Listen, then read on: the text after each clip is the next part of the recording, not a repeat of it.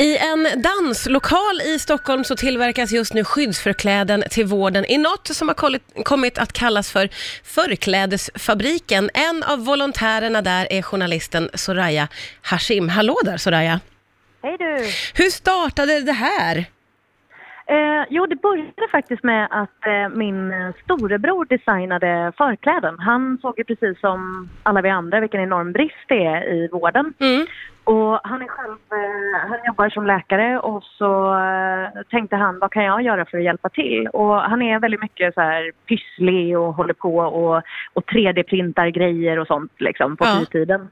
Så han, eh, han kom på ett sätt tillsammans med några vänner eh, där man kunde liksom tillverka skyddsförkläden som är långärmade eh, på ett väldigt enkelt sätt där vem som helst skulle kunna göra det. Okej. Eh, så då hade de designen men inte logistiken. Alltså just hur ska man få ihop folk, hur ska man sätta igång en sån här grej, hur kör man ut? Mm. Men det var liksom en massa andra människor som bara tog tag i det och eh, hade lokaler och liknande. Så vi är ett av de initiativen och vi, ja, som du sa, Förklädesfabriken heter vi. Ja. Vi är ett av flera initiativ som gör detta. Ah, och vilka är det som är volontärer då i Förklädesfabriken? Du, det är alla möjliga. Det är liksom unga, gamla, mittemellan, inte för gamla för de ska sitta hemma. Ja. Eh, och det är från alla möjliga branscher. Det är liksom är läkare, lärare, studenter, kulturfolk, eh, arbetslösa, permitterade, eh, kom, ja, allt Ja, liksom. Ja, vad häftigt. Eh, Och hur hittar ni liksom vårdpersonal då som är i behov av de här eh, skyddsförklädena? Jo men alltså vi, man kan ju volontära på massa olika sätt. Så vi har ju till exempel en grupp som sitter hemifrån och bara ringer och ringer och ringer till eh, olika vårdinstanser runt omkring i, i vårt närområde här. Eh, äldreboenden, demensboenden, hemtjänst, sjukhus och bara frågar behöver ni? Ja. Och sen så skriver vi en lista och sen så har vi en massa andra volontärer som bara kör fram och tillbaka och langar ut de här eh, förklädena. Så vi tillverkar väl runt tusen om dagen just nu. Oj! Men ja, jag vet. Och det, vi har liksom förmiddags, eftermiddags och kvällspass och även helgpass.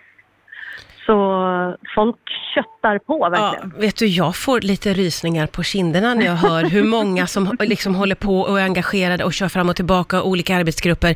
Det är en fruktansvärd situation vi är i, men det plockar ju fram mycket gott ur människan måste jag säga. Vad betyder det för dig att göra det här?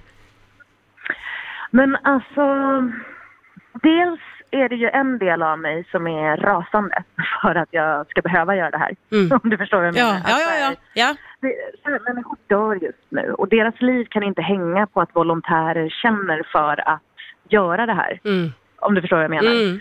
Eh, och, och- det kan jag bli jätteirriterad på. Men just nu finns inte plats och tid och utrymme för den känslan. Så då får man liksom bara kavla upp ärmarna och jobba på. För att det är liksom, jag har möjlighet, då ska jag göra det. Det är liksom inget snack, det är bara en självklarhet. Jag har inte tänkt att jag ska vara någon annanstans än här förrän vi är klara liksom. Mm.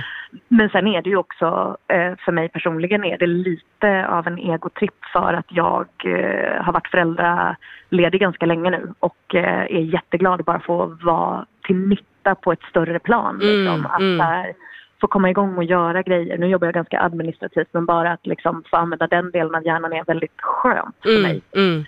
Framförallt är det väldigt bra stämning här så att många som hänger här säger ju att det är den mesta sociala interaktion de har haft på jättelänge Ja. eftersom alla hänger ju i skyddsvisir och skyddskläder så man Ja, får prata det. med nya människor och lära känna och sådär. Ja, Liksom. ja.